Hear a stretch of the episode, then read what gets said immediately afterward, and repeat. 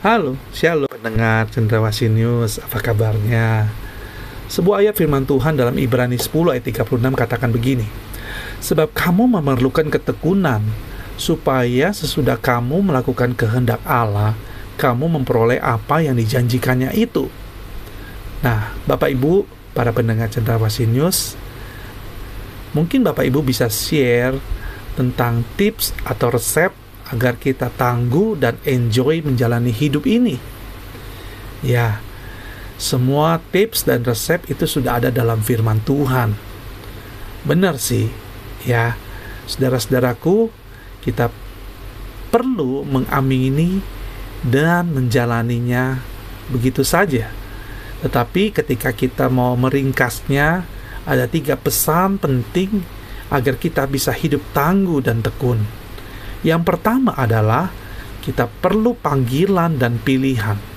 Ya, kita perlu temukan panggilan dan pilihan hidup kita secara tepat. Walau kehidupan kita itu kelihatannya tidak ada desain yang khusus. Namun, kita percaya bahwa tidak ada yang namanya kebetulan. Semua ada dalam rancangan dan desainnya Tuhan. Tetapi tugas kita lah untuk menemukan hal-hal tersebut.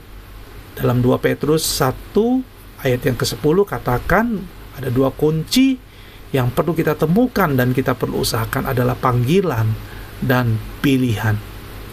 Hal yang kedua adalah kita perlu mengukur kemampuan yang kita miliki dengan skala 1 sampai 10.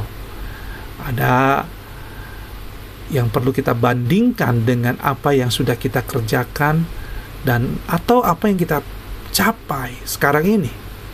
Apakah kita sudah hidup optimal dalam menjalankan semua talenta dan kapasitas yang Tuhan berikan kepada kita? Dan jika ukurannya sudah 7 sampai 8, jangan puas atau jangan kita berhenti hanya karena teman dan orang lain masih ada di bawah skalamu. Tetapi kita perlu menambah kapasitas sampai menembus batas-batas maksimal itu sendiri. Anugerah ajaib yang Tuhan beri kepada kita sering kali ada di balik batas maksimal kita. Bahkan Tuhan bisa memuji orang yang berani breakthrough dari batas-batas maksimalnya. Yang ketiga, kita have no regret Nah, ini poin yang penting buat kita. Jalani hidup dengan benar dan tekun. Banyak orang merasa hidup jujur itu akan hancur. Hidup benar itu akan ambiar. Pertanyaannya benar nggak? Sebagai murid-murid Kristus, kita perlu menjalani hidup kita dengan jujur dan benar sesuai dengan firman yang Tuhan Yesus ajarkan buat kita semuanya. Jangan mudah menyerah jika menghadapi topan badai, bahkan ujian yang besar sekalipun. Jalani saja dengan berani dan beriman. Saudara-saudaraku, tiga hal ini yang pertama panggilan dan pilihan, yang kedua adalah stretch out, yang ketiga have no regret. Nah, kita perlu hidup dengan kesadaran akan kasih karunia dan penyertaan Tuhan yang pernah terlambat menolong kita. Kita perlu menjalani hidup dengan tangguh dan tekun bersama Yesus. Kita tahu bahwa ada pemeliharaan kasih setianya Tuhan. Mari Bapak Ibu yang kekasih para pendengar Cendrawasih News.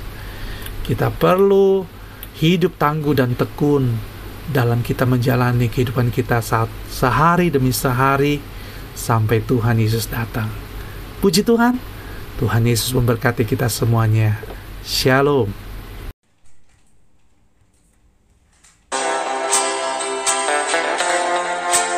Sampai jumpa esok hari.